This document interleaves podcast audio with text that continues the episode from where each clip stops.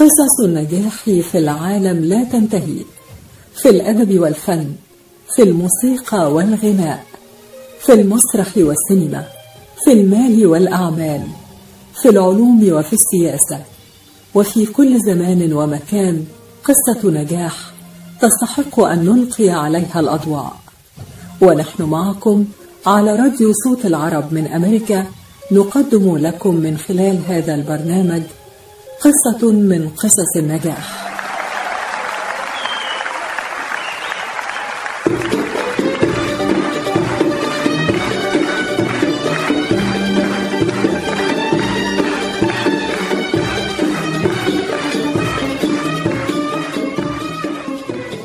قصة نجاح.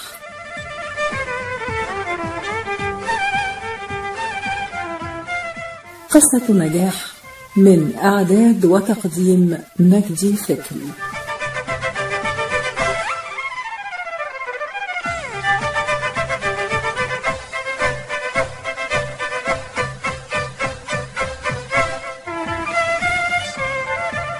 مستمعينا الأعزاء مستمعي إذاعة صوت العربي من أمريكا في الولايات المتحدة وفي كل مكان من العالم. أهلا بكم معنا في قصة جديدة من قصص النجاح.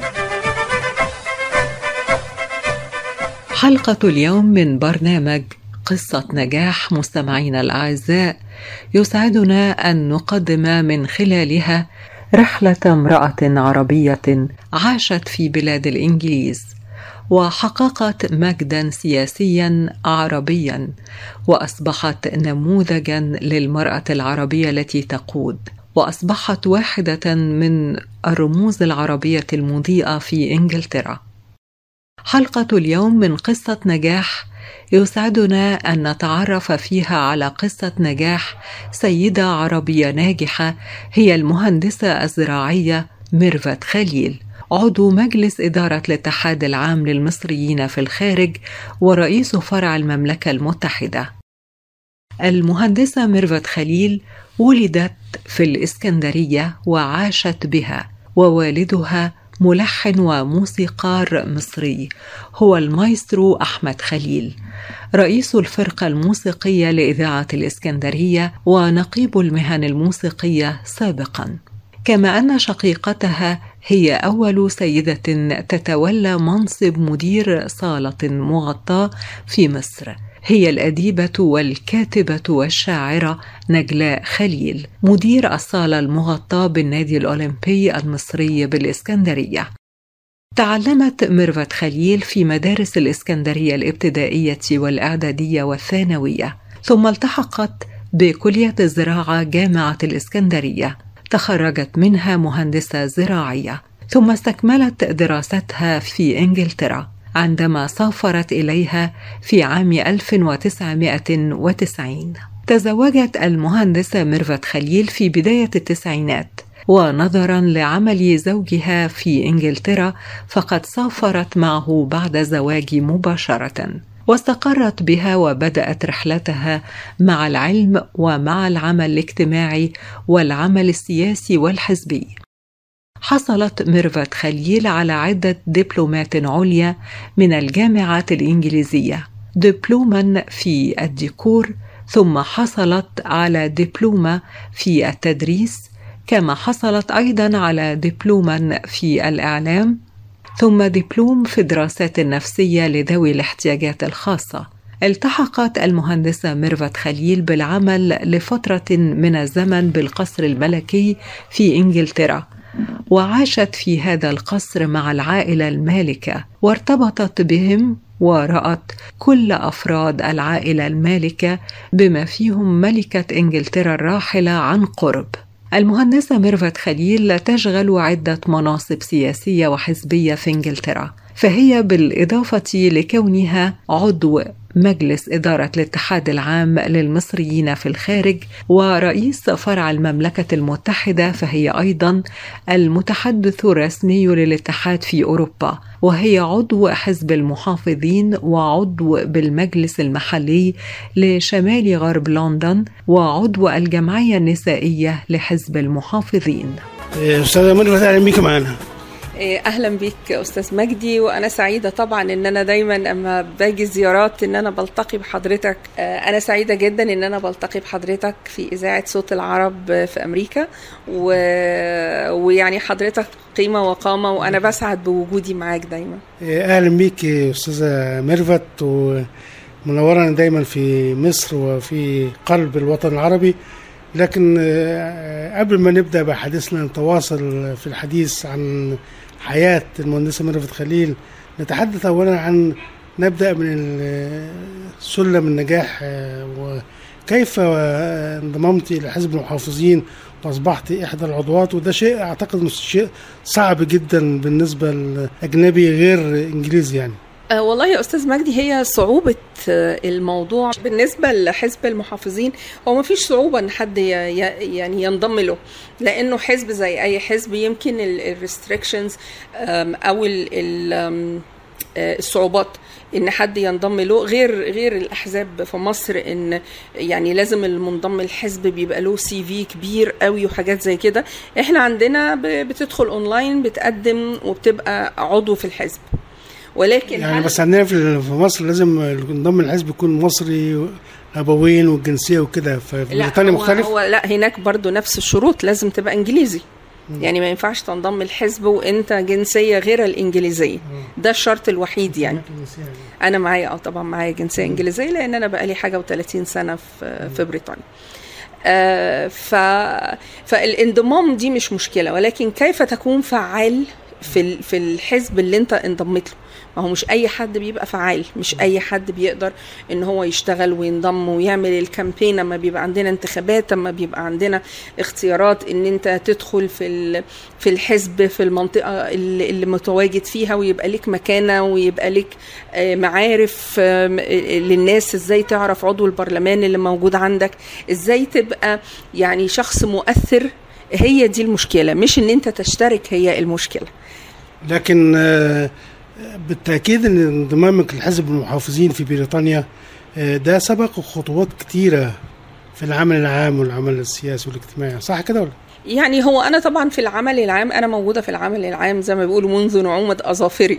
يعني عايزين نعرف نحكي بقى المستمعين بقى إزاي. حتى أما كنت في اسكندرية هنا قبل ما أسافر آه وكنت صغيرة وكنت في المدرسة وكنت في الجامعة كنت دايما مشتركة في العمل العام في اتحادات الطلاب آه، في اتحاد الطلاب في المدرسة الثانوية آه، رئيسة مجموعة كذا آه، الطالبة المثالية في الجامعة يعني دايما كان لي يبقى ليا يعني جزء خاص بيا جدا.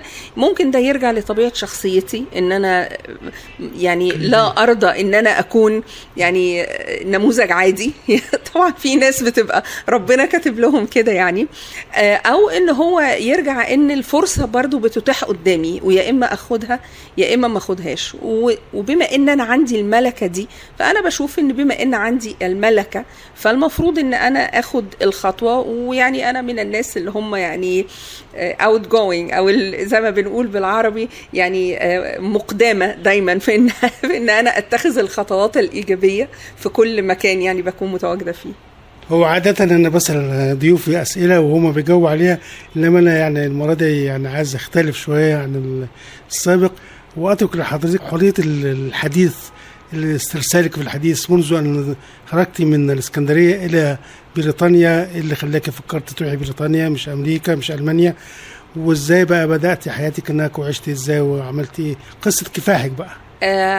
يعني أنا هقول حاجة يمكن البعض يتعجب لها. يعني أنا يعني كان أبعد ما يكون عن فكري إن أنا أخرج بره مصر. فأنا بحب مصر جدا من يعني من وأنا من وأنا طفلة. آه، كان عندي نظريات سياسية كده آه، وكنت طبعا أنا من من أيام آه، أما كان الراحل محمد أنور السادات الرئيس الراحل كان موجود. وإحنا كلنا عشقنا هذا الرجل.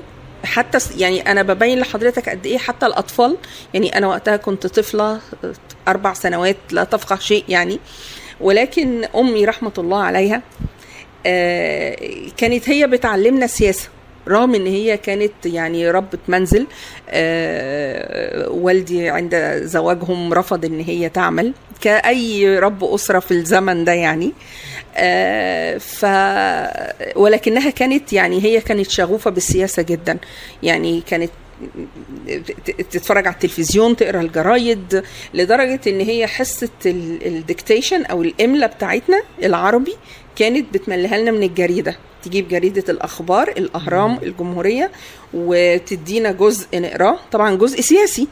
وأنا هاجي أقراه وأنتوا تكتبوا علشان واحد تبقى لغتكم صحيحة اتنين علشان طبعا المعلومة اللي إحنا هناخدها وإحنا بنكتب. ف فال ال... إن إحنا دخلنا في السلك ده من بدري من بدري قوي. يمكن أنا وأخواتي آه لنا نفس ال... نفس الطبع ونفس الثقافة تقريبا. فأنا من زمان جدا وأنا مصر دي عشقي وإن أنا يعني ما كانش عندي النيه إن أنا أخرج بره البلد. ولكن الأقدار قدرت لي إن أنا أتزوج رجل يعيش في بريطانيا. لم يكن اختيارا تماما خالص يعني. فربنا يعني قدر وتزوجنا وسافرت معاه بريطانيا. فلم أسافر مثلا كسر فيزا أو إن أنا أسافر هجرة غير شرعية أو سافرت وبدأت إن أنا أتحسس طريقي علشان مش لاقية حتة أقعد فيها أو إن أنا يعني كل الكلام ده طبعا ما كانش موجود. فأنا رحت على بيتي متزوجة والموضوع بالنسبة لي كان مستقر طبعا. آه بدأت بقى إن أنا أشتغل. هي دي الجزء اللي أنا بدأت أعمله. في الوقت اللي أنا سافرت فيه في عام 90 آه كان قلما إن حضرتك تجد مثلا سيدة مصرية تعمل في الخارج. يعني آه معظم اللي كانوا بيروحوا بيبقوا ربات بيوت. آه وكان برضو ما فيش يعني حتى عدد المهاجرين من حاجة و30 سنة كان قليل جدا. غير غير دلوقتي. دلوقتي كل الشباب والأسر بيسافروا. بالنسبة لعندنا في بريطانيا معظمهم بيسافروا على إيطاليا أو دول أوروبية لأن بريطانيا صعبة الوصول لها شوية. فأيام ما كنا إحنا في الإيو أو اللي هو الاتحاد الأوروبي كان في سهولة بين انتقال الناس من الدول الأوروبية لبريطانيا وده اللي حصل فعلا. يعني إحنا عندنا فوق عائلات كتيرة جدا جدا بتتجاوز الآلاف نقلوا من هولندا وإيطاليا وفرنسا. وبلجيكا. عربية ولا مصرية؟ عربية أو مصرية يعني مصرية بشكل خاص. نقلوا إلى بريطانيا. طبعا لأسباب كثيرة جدا لا داعي لذكرها يعني. ف... فأنا بدأت إن أنا أشتغل وأدخل في الكوميونتي وأدخل مع الناس. ما كنتش عايشة في لندن فكنت عايشة بره لندن في مكان كل اللي حواليا فيه إنجليز. وده يمكن اللي خلى التطبع بالطباعة الإنجليزية وإن أنا أتكيف مع المجتمع بقى شكل أسهل شوية. كان في صعوبة في البداية في التعامل في البداية طبعا يعني أنا أيوة دارسة إنجليش وكل الكلام ده بس إحنا ما بنتكلم اللغة العامية بتاعت الإنجليز اللي بيتكلموا بيها الطباع الأكل الشرب طريقة الحياة إزاي أنا أتأقلم مع الناس دي طبيعتهم الفكرية وهم الإنجليز لهم طبيعة خاصة يعني غير يمكن بقية دول دول أوروبا. يعني الإنجليز لسه عندهم لحد دلوقتي عندهم الجزء بتاع العيلة وعندهم لسه قيم وتقاليد ويعني يعني لسه الدنيا بخير في, إنجلترا. يعني يمكن غير بقية دول أوروبا منفتحين جدا ولكن العائلات الكبيرة في إنجلترا لها تقاليدها ولها تقاليد العيلة واحترام العيلة والحفاظ على الأولاد وكل الكلام ده. يعني غير الكلام اللي إحنا طبعا بنشوفه كلام الأفلام وبنشوفه ونسمعه كده ف... فكانت من هنا البداية أن أنا بدأت أشتغل في مجالات مختلفة واشتغلت في جزء في العمل العام في ال cancer research جمع تبرعات لل... لأبحاث الأمراض السرطان. آه ومن هنا بدأ يعني شغلي. آه وفي وقت من الأوقات مر عدد من السنين يعني إحنا هنختصر طبعا. أنا عملت في التدريس وعملت في التمريض وعملت في ال hotel management واشتغلت مع ذوي الاحتياجات الخاصة. يعني أنا نجحت في كل في كل ما قمت به نجحت. يعني أنا لما اشتغلت في ال hotel management أنا وصلت إن أنا بقيت manager لثلاث أوتيلات chain of that ثلاث أوتيلات. اشتغلت في التدريس لذوي الاحتياجات الخاصة وكنت في عضوة في مجلس إدارة المدرسة وأنا المسؤولة عن ال division بتاع ذوي الاحتياجات الخاصة. اشتغلت في التمريض آه، وده كان له يعني تاريخ معين أو أو شيء مع أسباب معينة يعني. آه، لأن يعني أنا بنتي كانت مرضت ومرض شديد جدا واضطريت إن أنا آخد الكورسات دي عشان أعرف أعتني بيها. آه وبعد كده بقيت إن أنا اشتغلت بهذا العمل. بعد ما هي ربنا كرمنا الحمد لله وخفت. فأنا يعني امتهنت ه- هذا العمل. ويعني هقول لحضرتك إيه إن كانوا المرضى بيتخانقوا على عليا يعني إن هم عايزيني أنا بالذات. يعني لا إحنا عايزين ميرفت بالذات رغم إن هم مش مش مصريين يعني. فالحمد لله كان يعني ليا بصمتي في كل عمل أنا بعمله. أه لحد ما اشتغلت في في القصر الملكي قصر باكنغهام palace آه وكنت مساعدة لل ل- لل royal family يعني اشتغلت. لا آه، اسمحي لي أستاذة ميرفت نتوقف هنا في الفصل. ثم نعود إلى مرحلة القصر الملكي في البريطاني. قصة نجاح. كلما أصبح الطقس أكثر برودة كلما بدا أن ارتداء الأوشحة والقبعات والقفازات فكرة جيدة توفر طبقة من الحماية. إن الحصول على لقاح كوفيد-19 والإنفلونزا يوفر لكم طبقة أخرى من الحماية. يمكنكم الحصول على كلا اللقاحين في نفس الوقت. لمزيد من المعلومات يمكنكم التحدث مع مقدم الرعاية الصحية أو زيارة الموقع michigan.gov/covidflu RSV استخدموا طبقة أخرى من الحماية من أجل راحة بالكم. رسالة من وزارة الصحة والخدمات الإنسانية بولاية ميشيغان. شو هي الحياة؟ إني كون دفيانة ومو خايفة. إني أعيش بقية حياتي بكرامة. آكل أكل زين واشرب مي نظيف. إني أعيش سعيدة ولو كنت يتيمة. إني أحس بالدفى والأمان ويكون لي مكان أعيش فيه بعد ما اتهدم بيتي. منذ ثلاثين عاما ومنظمة الحياة للإغاثة والتنمية والتي تم اختيارها من بين أفضل تسع منظمات خيرية حول العالم لعام 2022 تساعد المحتاجين ليعيشوا حياة أفضل دون النظر إلى عرق أو لون أو جنس. ساهموا معنا في مد جسور الأمل لمن يحتاج من خلال التبرع مباشرة عبر الموقع www.lifeusa.org أو على الرقم 1-800-827-3543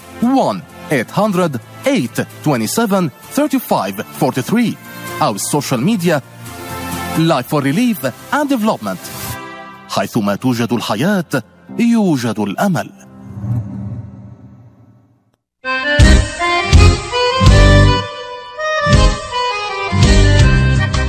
New Concept Products and Design بإدارة نجي عبود هل تحتاج فتح مطعم؟ هل تحتاج فتح محل المواد الغذائية؟ هل تحتاج تصاميم وخرائط؟ اتصل بناجي عبود على الرقم 734-744-9796 هل تريد شراء معدات المطابخ والمطاعم وبأسعار مخفضة وتسهيلات بالدافع؟ اتصل بناجي عبود الآن على الرقم 734-744-9796 خصم 5% عند الشراء ب 75 ألف أو أكثر على كافة المواد. لمزيد من المعلومات زوروا موقعهم الإلكتروني على www.newconceptproducts.com أو زوروهم في موقعهم الجديد. 31185 Schoolcraft in Livonia. ناجي عبود العلامة المميزة في عالم المطابخ. قصة نجاح. المهندسة ميرفت خليل ما زلنا نواصل الحديث عن رحلتك في بريطانيا. دعينا نتحدث الآن عن مرحلة مهمة جدا في حياتك وهو دخولك القصر الملكي. كلمينا عن المرحلة دي. دخولي القصر الملكي آه، أنا كنت دايما آه، أجيب المجلات وأقراها فلقيت مجلة من المجلات وفيها إعلان للتقديم أو إعلان عن وظيفة في القصر الملكي. ف طبعا رغبتي أو إصراري الدائم إن أنا أتطرق الابواب الغير آه، اعتيادية. فأنا قلت طيب أنا هقدم. هو وق- وقتها فعلا أنا ما كانش معايا الباسبور الإنجليزي. أنا ما كنت ل- لازلت مصرية أعمل بالباسبور المصري معايا إقامة بس في في البلد يعني.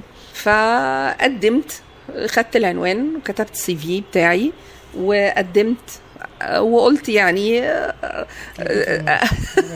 يعني as it comes بقى زي ما ربنا يقدر يعني. فلقيت فعلا رد خطاب وعليه العلامة الملكية. لقيته جاي لي على البيت وبيقول لي إحنا بندعوكي ل interview. طبعا أنا كنت وقتها عايشة بره لندن. آه، فأنا فضلت أبص في الخطاب كده. أنا أنا بتكلم حقيقي. وبالفعل أنا رحت آه، يعني رحت ال interview. آه، اتكلمت معاهم وقعدت وعملوا interview معايا واشتغلتي في إيه وكذا وكذا والكلام ده. آه، وقالوا لي هنرد عليكي. فأنا قلت خلاص بقى هنرد عليكي يعني كالعادة يعني.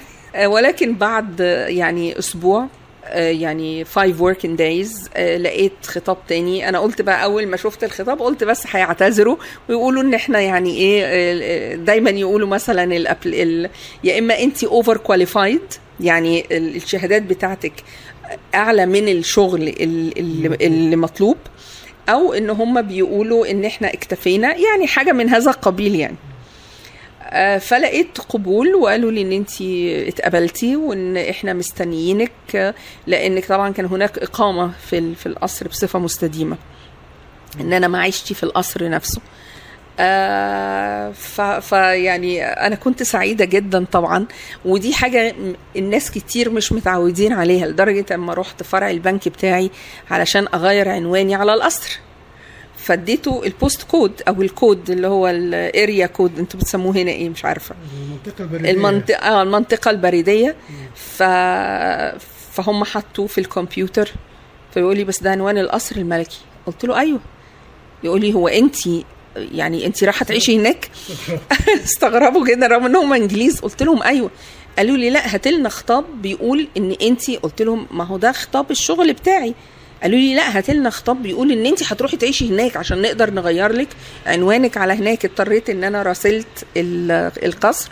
وقلت لهم أنا محتاجة خطاب يقول إن أنا سأقيم داخل القصر وساعتها في البنك وافقوا إن هم يغيروا لي العنوان. أنا بالنسبة لي كانت experience عالية جدا. يعني آه، خبرة خبرة فظيعة إن أنا أشوف الملكة وإن أنا أتكلم مع ال royal family اللي إحنا قابلتي بقى مين من العائلة المالكة هناك؟ كلهم. أنا قابلت الملكة الملكة. آه الملكة إليزابيث الثانية الله يرحمها. آه قابلت الملك تشارلز. كان ليا كذا مرة حديث معاه يعني. آه، اللي هو الملك تشارلز دلوقتي. آه، قابلت آه، الأمير أندرو قابلت الأمير إدوارد قابلت آه، اللي هي ال Queen Consort اللي هي آه، كاميلا اللي هي مرات آه، الملك تشارلز. قابلت الأميرة آن ابنة الملكة. ودي قابلتها عن قرب لأن كنت أنا ال personal assistant أو المساعدة الخاصة بتاعتها في كل في معظم السفريات بتاعتها. طبعا هتقولي يعني إيه المساعدة الخاصة؟ يعني إن أنا أشوف هي بتفطر إمتى آه، معايا الجدول بتاعها آه، لو مثلا. مقابلاتها لو رايحة مثلا آه، أي engagement بره أو أي احتفالات أو مناسبات. حتى لو رايحة مثلا horse riding رايحة آه، نازلة الحقول آه، راكبة الحصان. ببقى أنا عارفة كل هي بتروح إمتى وبتيجي. إمتى ويعني I look after her هي وال- والعيلة بتاعتها. التفصيل آه، التفاصيل اليومية ابنة الملكه الأميرة أن آه ف يعني كانت بالنسبة لي طبعا رحت كل القصور الملكية لأني كنت بسافر معاهم. يعني غير Buckingham Palace رحت وينزر رحت نورفولك رحت آه، القصور اللي في اسكتلندا كلها آه، ف, ف فإن أنا أشوف كل الكلام ده وأعيش في وسط كل الكلام ده وإن أنا أشوفهم عن قرب اللي الناس من بعيد قوي بيسلموا عليهم فطبعا دي بالنسبة لي كانت حاجة حاجة جميلة قوي. طب بع- باعتبار قربك من العائلة المالكة البريطانية اوصف لنا بقى الناس دي في, في كلمتين كده. آه،. آه، أنا آه، أنا أوصف الناس دي في كلمتين. آه، كلمتين هيبقوا صغيرين ولكن آه، أنا شفت الاحترام. آه، الاحترام في كل حاجة احترام النفس احترام المواعيد. أما حد يعني إحنا دايما أما حد يقول لك آه، آه، ده ده مثلا آه، ده شخص ملوكي. لا هي فعلا it's royal التفكير بتاعهم تصرفاتهم تصرفاتهم بينهم وبين بعض آه، حفاظهم على التقاليد وخصوصا قدام الناس. يعني يعني مثلا إحنا عندنا ممكن في البيت مثلا لما بيبقى في حد من الهاوس كيبنج بيبقى شغال عندنا يعني اللي هم بيجوا ينظفوا ويعملوا الكلام ده. أحيانا بتلاقي آه، رب الأسرة وربة الأسرة ممكن يتخانقوا قدام الشخصية اللي واقفة دي آه، وتبص تلاقي أسرار البيت طلعت طلعت بره والكلام ده. ولكن هم عندهم هناك طبعا إحنا عاملين إحنا في أكتر من 600 شخص يعمل في القصر. آه، كل حد من ال royal له مكتبه وله الناس اللي بيشتغلوا الطقم اللي بيشتغل معاه. فإحنا كلنا عددنا أكتر من 600 حد كان يعمل في القصر. ما كانش فيه نقاش على أي حاجة من الحياة الخاصة تماما قدامنا. طبعا غير إن إحنا already بنبقى ماضيين على ورق إن ما فيش أي سر حتى لو عرفناه بالصدفة إن هو يطلع بره. ده يعني أساسا وأنا داخلة القصر آه، ال form اللي أنا مليتها أكتر من ال form اللي أنا مليتها لما جيت عملت الجنسية. عيلتي وأبويا وأمي وجدي وجدتي وأبو جدي وأبو جدتي والتاريخ كله.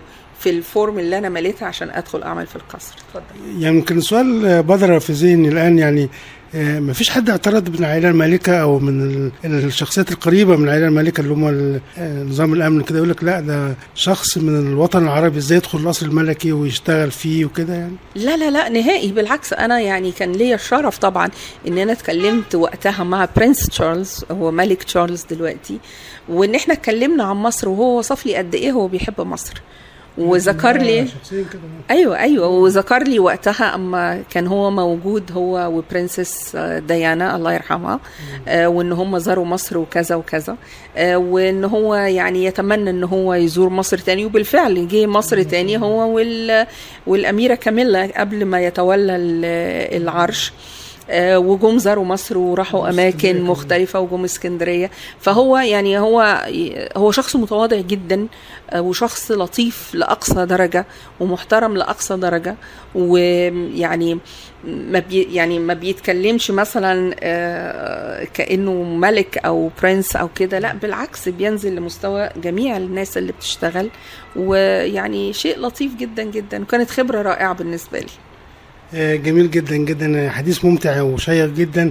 اسمحي نطلع فاصل آخر آه، نتوقف عند مرحلة القصر الملكي مرحلة مهمة جدا في حياتك. آه، نطلع فاصل ونرجع تاني. قصة نجاح. أهلا وسهلا شرفتونا. تفضلوا على الأكل. ما في أحلى من جمعة الحبايب على السفرة بال weekend. wow شو طيب ورق العنب؟ مثل اللي بتعمله ستي. صحتين حبيبتي. والكبة كيف شفتيها؟ امم مثل ما بتعملها ستي. وشو رأيك بالكنافة؟ الكنافة؟ لا مش معقول. كنافة ستي. مأكولات زياد. نكهة الأجداد يتوارثها الأحفاد. خالتو فيني أسألك؟ شو طابخة بكرة؟ هل تعاني من ألام في المفاصل أو العظام؟ هل جربت الأدوية دون فائدة؟ هل تفكر في إجراء عملية؟ انتظر الحل لدى مركز Top Rehab للعلاج الطبيعي جهاز SoftWave علاج جديد غير جراحي يستخدم الموجات فوق صوتية لتحفيز الجسم على بدء عملية الشفاء وتوليد أنسجة جديدة في مجالات جراحة العظام الكسور العناية بالجروح وعلم الجمال دون جراحة أو تخدير وقت علاج قصير نتائج سريعة طويلة الأمد تستخدمه العديد من المراكز البحثية الطبية والرياضية الرائدة في أمريكا. الآن حصريا في ميشيغان لدى مركز Top Rehab للعلاج الطبيعي. احجز جلسة تقييم شامل لحالتك بواسطة جهاز SoftWave وبرسوم رمزية. اتصلوا الآن على 313-846-0555 Top Rehab Physical Therapy بإدارة أخصائي العلاج الطبيعي الدكتور محمد فرح حسين بخبرة أكثر من 20 عاما. اتصلوا الآن واحجزوا 313-846-0555 حكيم عيونها فهم في العين وأفهم كمان في ومن بمثل خبرة الدكتور عماد نقاش أستاذ الطب وجراحة العيون في جامعة وين. خبرة طويلة في التعامل مع أمراض العيون وجراحتها عمليات تعديل وتصفية النظر إزالة الماء الأبيض والأسود الجلوكوما وتصحيح النظر من أثار مرض السكر. كادر متخصص ومتدرب لخدمتكم. شعبة متخصصة للنظارات الطبية والهندسة اللاصقة. يقبلون معظم أنواع التأمين الصحي زوروهم في عيادتهم الواقعة على جنار والناين مايل في مدينة هيزل بارك. للمواعيد اتصلوا على 248 336 3937 248 336 3937 أو عيادتهم في راجستر هولس للمعلومات اتصلوا على 248 299 3937 248 299 3937 قصة نجاح. المهندسة ميرفت خليل ما زلنا معك عبر أثير إذاعة صوت العرب أمريكا. والسؤال الآن حول بقى حزب المحافظين وحضرتك خدتي خطوة أكبر شوية إنك دخلت المجلس المحلي أيضا. وأعتقد إن بقى يعني دخولك القصر الملكي هو اللي بقى أعتقد مشجعك إنك تدخلي عالم السياسة ولا إيه؟ آه والله هو دخولي القصر الملكي طبعا هو عرفني يعني بحاجات كتيرة جدا وخلاني آه شخصيات كتيرة وخلاني إن أنا interested إن أنا أعرف يعني آه، إيه بقى اللي هو يعني behind أو اللي هو ورا كل هذه الأحداث والكلام ده. ولكن أنا كانت بداية دخولي السياسي في بريطانيا عبر مصر. إزاي بقى؟ آه، اشتركت في الاتحاد العام المصريين في الخارج. اللي هو مقره في القاهرة. و- واشتركت في ال- يعني الاتحاد مقره في القاهرة مش في آه الاتحاد العام للمصريين في الخارج. مقره في القاهرة 106 شارع جامعة الدول العربية في المهندسين. آه وكان اشتراكي فيه يعني نتيجة لحر... لحركتي السياسية تجاه مصر. آه، آه، ومع المصريين في بريطانيا وكده. فطبعا يعني آه، لازم أذكر اللي كان له الفضل عليا. آه، هو طبعا شافني على السوشيال ميديا وشافني على كل الجروبات اللي فيها آه، إذاعيين وفيها آه، معدين تلفزيون وحاجات زي كده وتواصل معايا وهو ال- المستشار علاء سليم أمين عام الاتحاد العام للمصريين في الخارج. آه، تحدث معي وقال لي يعني إن هو معجب جدا بنشاطي وإن هو عايز نشاط نسائي يكون في الاتحاد. آه، عملت فرع الاتحاد العام للمصريين في الخارج في بريطانيا. آه، وطبعا ده كان يعني من أصعب الفروع اللي اتعملت. كان 2018 آه، لأن يعني حضرتك عارف آه، يعني آه، آه، بتبقى في تجمعات مصرية كتيرة في البلد. فما بيبقى في تجمع جديد آه، طبعا في ناس بت يعني بيحبوا قوي الشو ويحب إن هو اللي يبقى ظاهر ويحب إن هو اللي يبقى موجود وغيره لأ. وإحنا عندنا للأسف في بريطانيا من هذه الشخصيات الع- العديد العديدين اسمها العديدين. آه، ف يعني حوربت بشكل غير يعني يعني حتى غير أخلاقي. لو إحنا قلنا الكلمة هيبقى شكل غير أخلاقي. ولكن إصراري لأن يعني ما هو الشخص اللي بيحارب برضه مش عارف بيحارب مين. أ- فهو قال- يعني اول دي واحدة ست وإحنا إيه يعني هنقدر عليه.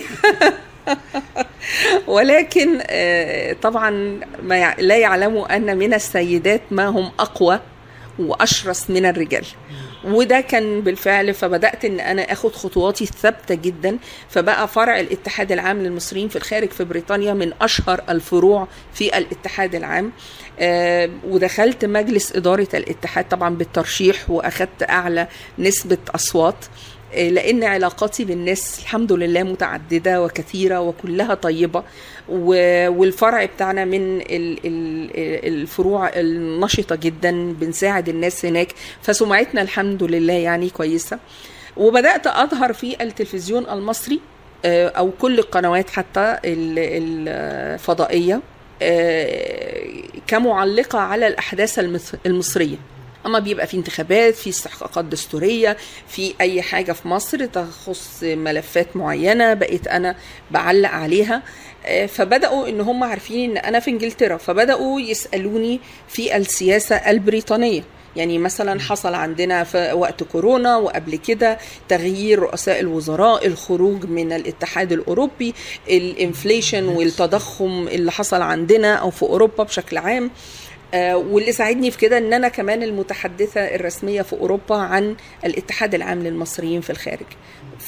فبدأت أسأل عن هذه الملفات.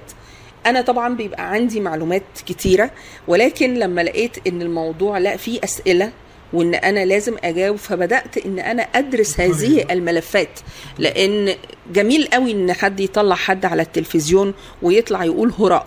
وللأسف يعني إحنا عندنا مشكلة في الحتة دي. آه، ولكن أنا لقيت إن لأ أنا مادام في ملف المفروض أنا سأسأل عليه يبقى أنا لازم أدرسه كويس جدا. آه، أخدت كورسات في ال- التقديم التلفزيوني أخدت كورسات في الإعلام آه، آه، أخدت كورسات في لدرجة ما كان في المؤتمر مؤتمر المناخ. فطبعا كان الرئيس عندنا في في اسكتلندا في مؤتمر المناخ وبعد كده بقى في شرم الشيخ تاني سنة. إن أنا أخدت كورس في ال global warming اللي هو التغير المناخي علشان أنا أما أتكلم طبعا غير معلوماتي الأخرى.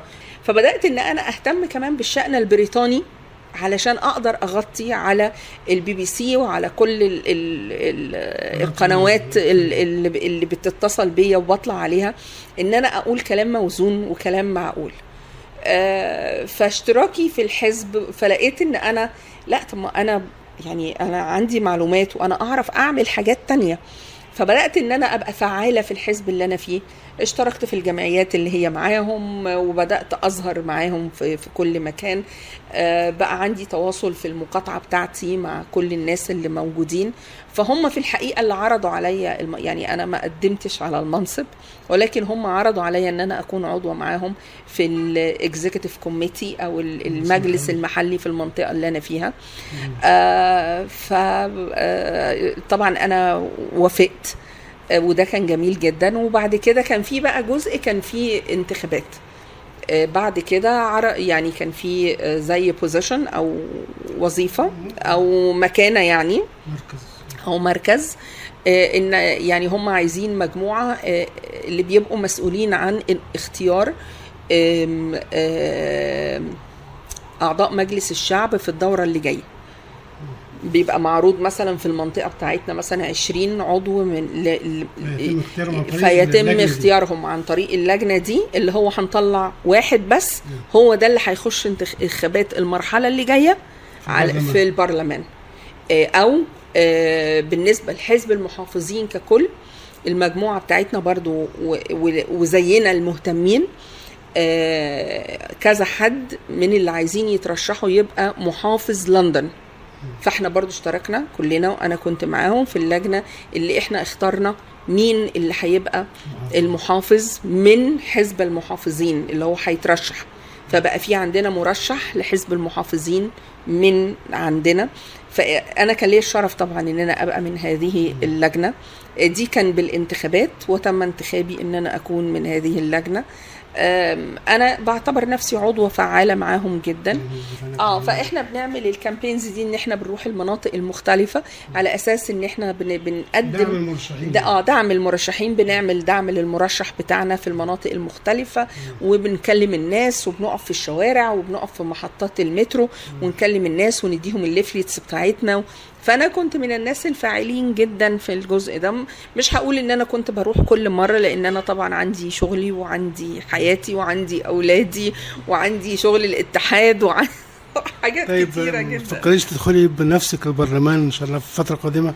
والله أنا عرضوا عليا كتير.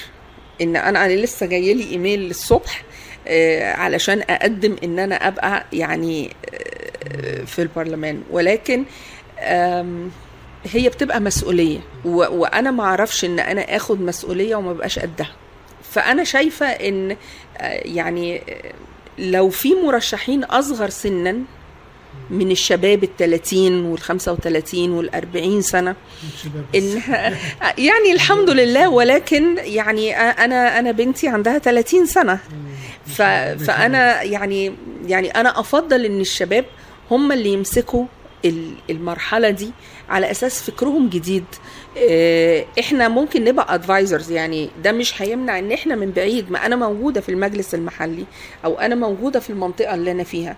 أنا ممكن أحتضن عدد من الصغيرين وأرشدهم على الطريق الصح لأن إحنا عايزين حد يكمل. إحنا مش عايزين يعني آه، يبقى كل مثلا ال member of parliaments بنتكلم مثلا في 55 فيما فوق.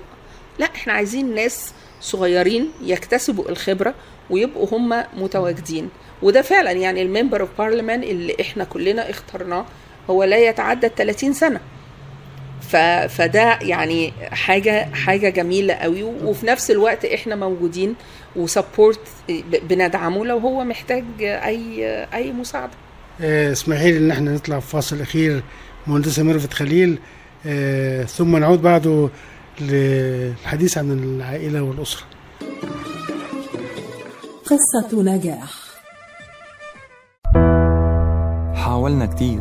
خلينا نحاول كمان مرة الكلفة كبيرة والاحتمال ضعيف. يعني ما في أمل؟ للأسف حبيبتي.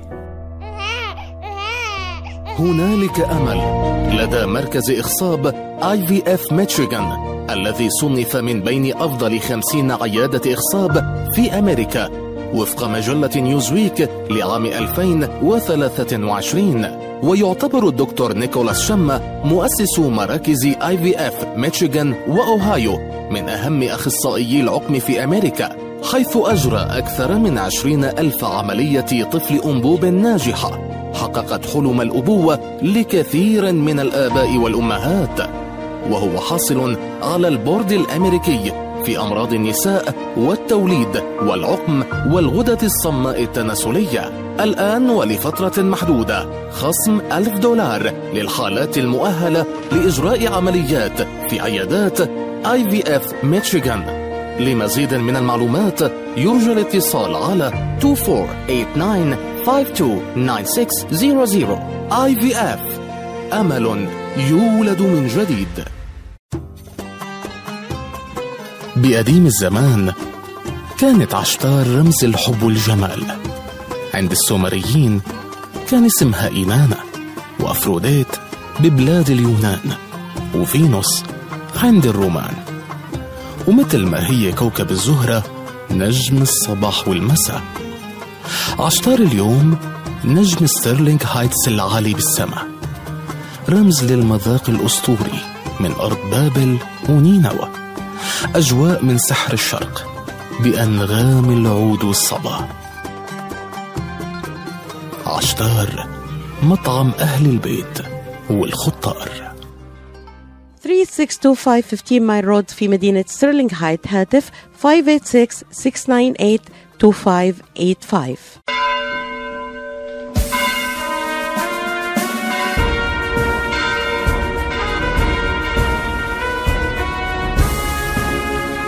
يشكل المسيحيون في جميع أنحاء الشرق الأوسط وشمال أفريقيا حوالي خمسة بالمئة من سكان المنطقة.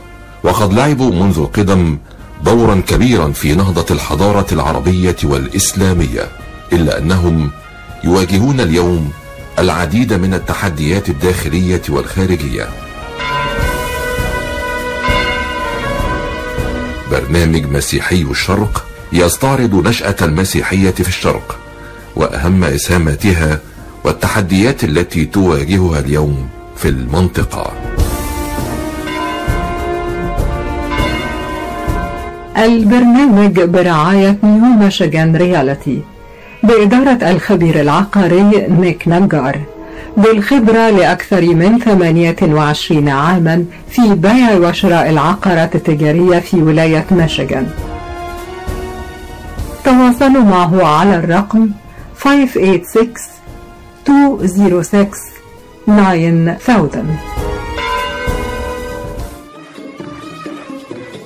قصة نجاح. المهندسة ميرفت خليل رئيس الاتحاد العام للمصريين في الخارج في بريطانيا.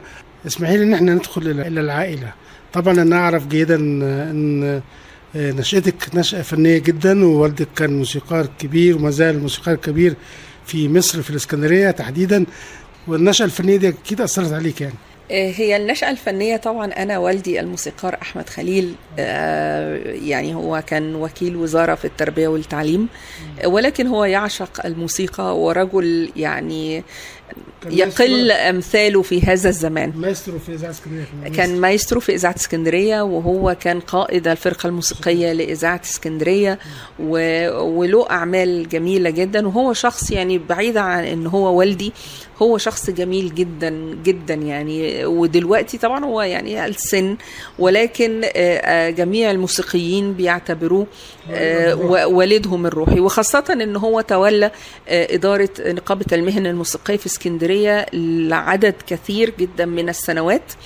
آه وكان يعني همه الشاغل جميع الموسيقيين وإزاي إن هو آه يكون لهم حقوقهم وحقوقهم الصحية وحاجات زي كده. فطبعا هي بالوراثة جاء موضوع ال- ال- الموسيقى فأنا عاشقة للموسيقى طبعا. آه، بعرف أعزف بيانو آه، بغني شوية حاجات حاجات كده يعني. آه، ولكن آه، كان كان أملي إن أنا ما بقاش يعني أنا اتخرجت من آه، كلية آه، الزراعة جامعة الإسكندرية فأنا مهندسة زراعية. آه، كان أنا غرضي إن أنا أتخرج من المعهد العالي للموسيقى العربية. ولكن والدي رفض بشدة لأن وقتها كان ما فيش هنا كلية نوعية في اسكندرية كان بس المعهد. العالي في القاهرة. وهو رفض إن إحنا يعني هو اعتبر السفر القاهرة دي غربة. وإن إحنا ثلاث بنات والمفروض إن إحنا يعني تربيتنا كانت شديدة شوية. يعني كانت تربية والدتي الله يرحمها ووالدي يعني بنتبع العادات والتقاليد وده يمكن اللي مخلي لحد دلوقتي حاليا وأنا في هذا السن وأنا بربي ولادي على نفس العادات والتقاليد لأن هي صح. يعني أنا لو كنت شايفة إن فيها حاجة غلط كنت أكيد قلت. آه، أخواتي آه، لهم نفس اللمحة الفنية. عندي أختي الدكتورة نجلاء خليل طبعا هي أديبة وشاعرة. آه، يعني تحب الموسيقى وتعشق الموسيقى. يعني هي بتعمل حاجات تانية كتير كتيرة قوي ومؤلفة وكل الكلام ده. وعندي أختي آه، اللي تصغرني برضو تعشق شاهيناز تعشق الموسيقى آه، وهي يعني هي بت- بتعمل في التدريس. آه، ف... فإحنا عائلة يعني آه، موسيقية بحتة آه، أحفادنا وأولادنا حضرتك تتعجب إن كلهم لهم الحاسة الموسيقية. يعني عندي ابن أختي آه، آه، آه، المهندس أحمد دربالة وهو عنده فرقته الموسيقية الخاصة وبيعزف جيتار وبيغني وصوته رائع. الولاد كلهم عندهم هذه الحاسة الموسيقية. أولادي عندهم برضو نفس الحاسة الموسيقية. أنا عندي بنتي الكبيرة آه، يعني آه، صوتها حلو جدا. ياسمين. آه، صوتها حلو جدا و... و... ولكنها أخذت طريق المحاماة فهي دلوقتي محامية. آه، عندي آه، بناتي الاثنين اللي أصغر من كده. آه، هم بيدرسوا دلوقتي في الجامعة وبيدرسوا الفن الإيقاعي في بريطانيا. آه، و- وباليه و- و- وأخدين برضو نفس السكة ال- الفنية اللي إحنا مش عارفين نخلص منها. يعني صوتهم حلو جدا. واللي بيبقى في الجزء الفني بيبقى في حاجات كتيرة في الرسم وال- والغنى وال- و- و- والباليه والفنون و- فبيبقى فيه كده جزء في المخ يعني معمول عليه هاي جاك أو معمول- عليه اختطاف أو حاجة زي كده. فالعيلة كلها نفس. يعني على نفس المنهج يعني وكمان يمكن وجودك في اسكندرية ونشأتك في اسكندرية حيث البحر والبراح والانطلاق أكيد اداكي كمان روح هذه المدينة الساحرة يعني. أنا هقول لحضرتك حاجة يعني اسكندرية مختلفة. يعني أنا أعشق مصر بكل ضواحيها بكل حواريها من اسكندرية إلى النوبة. آه، ولكن اسكندرية لها مذاق خاص. حضرتك تحس يعني إن الناس في اسكندرية يعني لهم شخصية مختلفة. اولا شخصية مفتوحة على العالم. يعني سهل جدا إن حضرتك تتعامل مع شخص اسكندراني. ما تلاقيش فيه صعوبة أو في حواجز بينك وبين هذا الشخص. وده ناتج طبعا عن التربية اللي إحنا تربيناها وإنها مدينة ساحلية وبيجي لنا سواح من كل حتة. فدي طبعا بتأثر على هذا الجزء. البحر وشكله آه، وزرقته دائما نستمتع معك بالحديث ودائما تستمتعين في إقامتك سواء في مصر أو في بريطانيا. المهندسة ميرفت خليل رئيس الاتحاد العام للمصريين في الخارج في بريطانيا. بشكرك جدا جدا على هذه الرحلة الممتعة. بشكرك جدا جدا وإن شاء الله نلتقيك دائما على خير. ونراك كثيرا في مصر إن شاء الله. آه، أنا طبعا مصر عشقي. آه، اللي هو بنقول عليه unconditional love.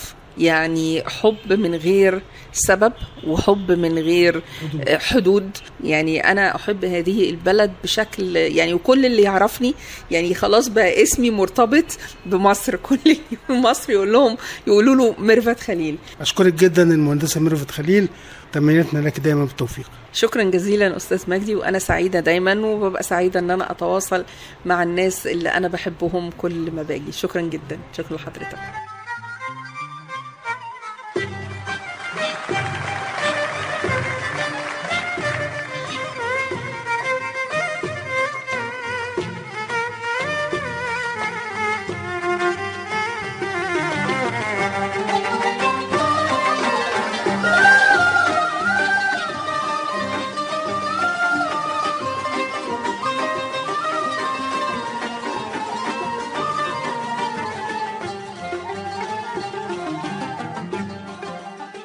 شكرا لكم مستمعينا الكرام وإلى اللقاء مع حلقة جديدة وقصة جديدة من قصص النجاح. شارك في تقديم هذه الحلقة منال زيدان.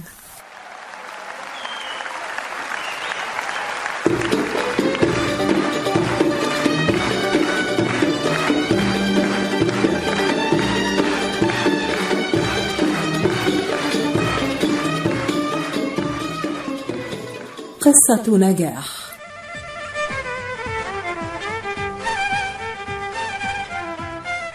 قصة نجاح من إعداد وتقديم مجدي فكري.